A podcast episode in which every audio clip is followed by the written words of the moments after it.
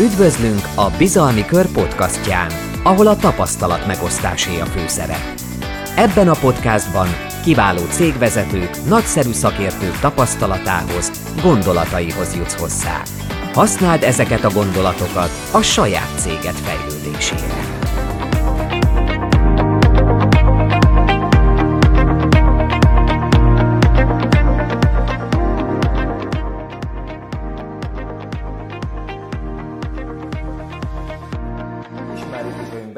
Practice rovatunkkal a Business Talks adásának a második felében, ahol vendégem Moszkó Jakab Natália Budapest Startup Safari. Na jó, ezt majd kimondom még egyszer szebben. Szóval a Startup Safari ügyvezetője, aki vele múlt héten egy másik felállásba ültünk egy hasonló beszélgetésen, most viszont én fogok kérdezni, és a kérdésem az, hogy egyáltalán hogy sikerült a Startup Safari? Mesélj egy kicsit erről nekünk. Szerencsére, bár azt azért látjuk, hogy az emberek kicsit már megcsömörlöttek itt a bezártságtól és az online tértől, de több mint ezren vettünk részt naponta, tehát három nap alatt akár három ezren is megfordultak itt ugye az előadásokon, olyan 100-200-an néztek egy-egy előadást, párhuzamosan két nagy előadásunk futott mindig, illetve két workshopunk, valamikor három is, és nagyon sok one-on-one meetingre is lehetőség volt, sőt voltak kiemelt one-on-one meeting befektetői csoport beszélgetések, vagy mentorálási lehetőségek is elképesztő, lenyűgöző volt ott lenni is, és látni ezt az elképesztő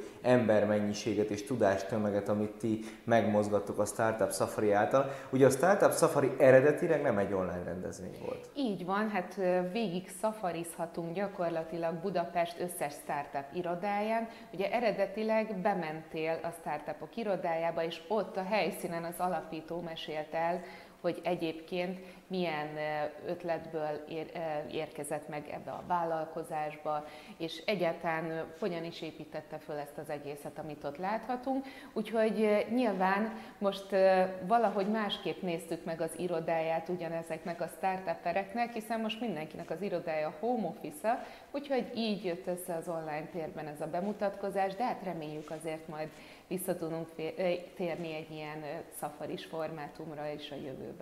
Ahhoz, hogy hatékonyan tudjatok működtetni egy ilyen volumenű rendezvényt, ahhoz ti választottatok egy olyan platformot, ami, ami egy online rendezvényekre specializálódott platform, és ugye a best practice témánknak is ez a fő témája, hogy nézzük egy kicsit meg, hogy miben adhat többet egy ilyen platform. Egyáltalán mi volt ez a platform? Ez a TOLK nevű rendszer, T-A-L-Q-E rendszer, és az az érdekessége, hogy ez a csapat már régebben is a Safari mellett a konferencia résznek a gyakorlatilag a programkezelését segítette, viszont sikerült lefejleszteniük olyan megoldásokat, hogy most gyakorlatilag a látogató, amikor belépett a rendszerbe, már ott azon belül, a platformon belül tudott beszélgetni a többiekkel, illetve bejelentkezni, helyet foglalni a workshopokra, és hogyha ráállt ugye egy programpontra, akkor gyakorlatilag rendszeren belül látta ennek a közvetítését is. Vagyis a látogatói élmény az szerintem elég jó volt, nem az volt, hogy 60 ezer linket, platformot kellett összekutatni, hiszen tényleg több száz programról beszélünk, azt azért nehézkesebb úgy kezelni, mint hogyha mondjuk egy előadást tart az ember, és mondjuk egy konkrét link van, hanem itt azért valaki eléggé erőltetett tempóban szeretné végighallgatni a dolgokat, meg beszúrni egy-egy one-on-one meetinget, ott nehézkes lenne, hogyha nekünk kellene ezeket a linkeket megtalálni, úgyhogy ezt mind kezeli helyettünk, és ráadásul akkor a rendszeren belül van. Viszont a háttérből ugyanúgy egyébként egy Zoom-on keresztül, Vimeo-n át jutott el egyébként az előadás erre a platformra, avagy egy másik, a Jitsi beépített felületen keresztül a workshopok esetében ugyancsak a tolkba. A látogató viszont nem kellett, hogy elhagyja ezt a környezetet. Mi az, amiben úgy érzed, hogy ez az egész felület, ez mondjuk sokkal többet adott, mint a személyes találkozó, interaktivitásban? Mi az, amiben többet tudott hozni ez a felület?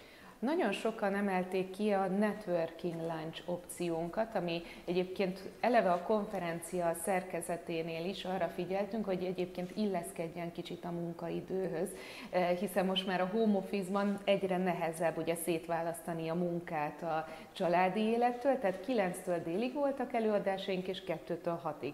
És déltől 2-ig networking lunchon lehetett részt venni, aminek az volt a koncepciója, hogy oda hoztuk az ebédet a monitorhoz, és 10 percenként más-más emberrel dobált össze, úgymond random. Randomszerűen. Így van. Viszont ugye mi történik? ilyenkor. Ilyenkor valószínűleg olyan találkozások is létrejöhetnek, olyan értékesebb esetleg high class szereplőkkel, akikkel egyébként akár hogyha fizikai térben ott lennénk egymás mellett, nem biztos, hogy kezdeményeznénk beszélgetést. Úgyhogy nagyon sok pozitívum ebből jött vissza, hogy egyébként itt meg úgymond rá voltak kényszerítve, hiszen 10 percre össze lett Megjelent valaki a képernyőn, és akkor ő vele lehetett beszélgetni. Ez azért is nagyon érdekes, mert hogy egyébként konferenciákra mennek olyan emberek, akik valamennyire zárkózottabbak is. Ők ugye klasszikusan azt csinálják, hogy megtalálják azt a három ismerőst, akit a társaságban megtalálnak, és aztán a reggeltől estig együtt vannak. Itt viszont akkor ez kitágította tulajdonképpen a teret. Így van, így van, és akkor ezek a különböző van-on-van meeting lehetőségek is ugyanúgy erre adtak platformot, hogy akkor mégis itt ugye nem csak az a gond, hogyha valaki zárkózott, hanem esetleg ugye úgy gondolja, hogy a másiknak nem tudja, hogy mikor fogadó kész arra, hogy fogadjon téged. Itt meg ugye egyértelműek a játékszabályok, hiszen ő bejelölte azt az időpontot, hogy fogad téged, és akkor már is megmersz szólalni, és el tudod, ad, el, el tudod érni azt, hogy mondjuk a te témádról tudjatok beszélni egy 10 percet. És itt véletlenszerűen sorsolta Így össze van. a szoftver az embereket. Azért egyébként volt benne egy némi matchmaking is egyébként szoftver oldalról.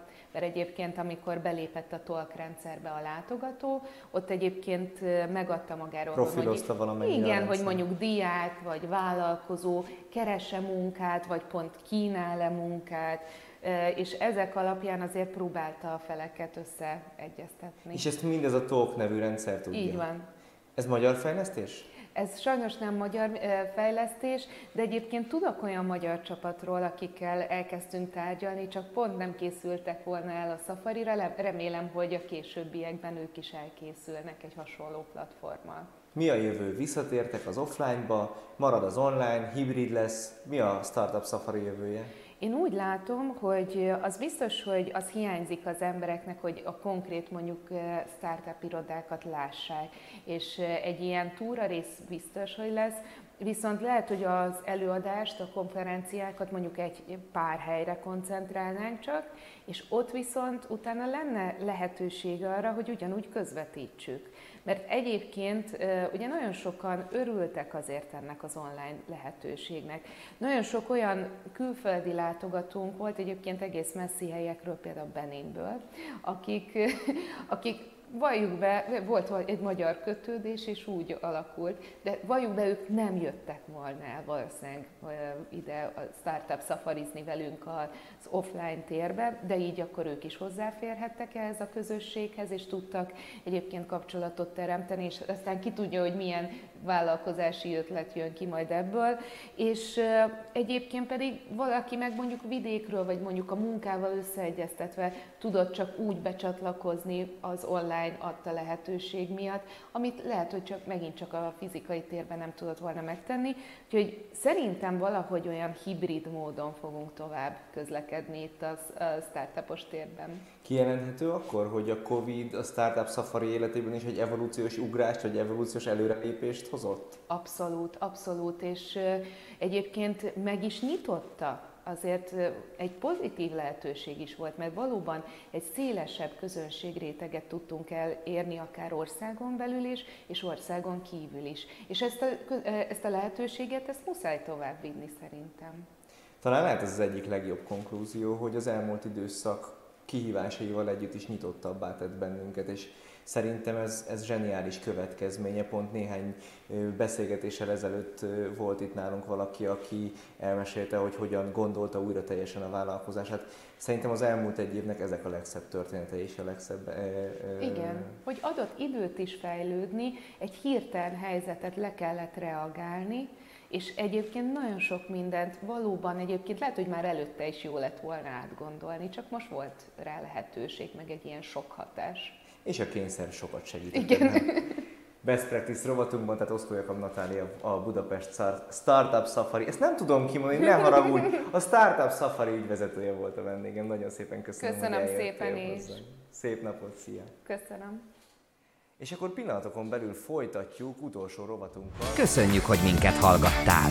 Ha tetszett, tarts velünk legközelebb a Bizalmi Kör Facebook csatornáján élőben, vagy iratkozz fel YouTube csatornánkra, és nézd vissza a teljes adásokat!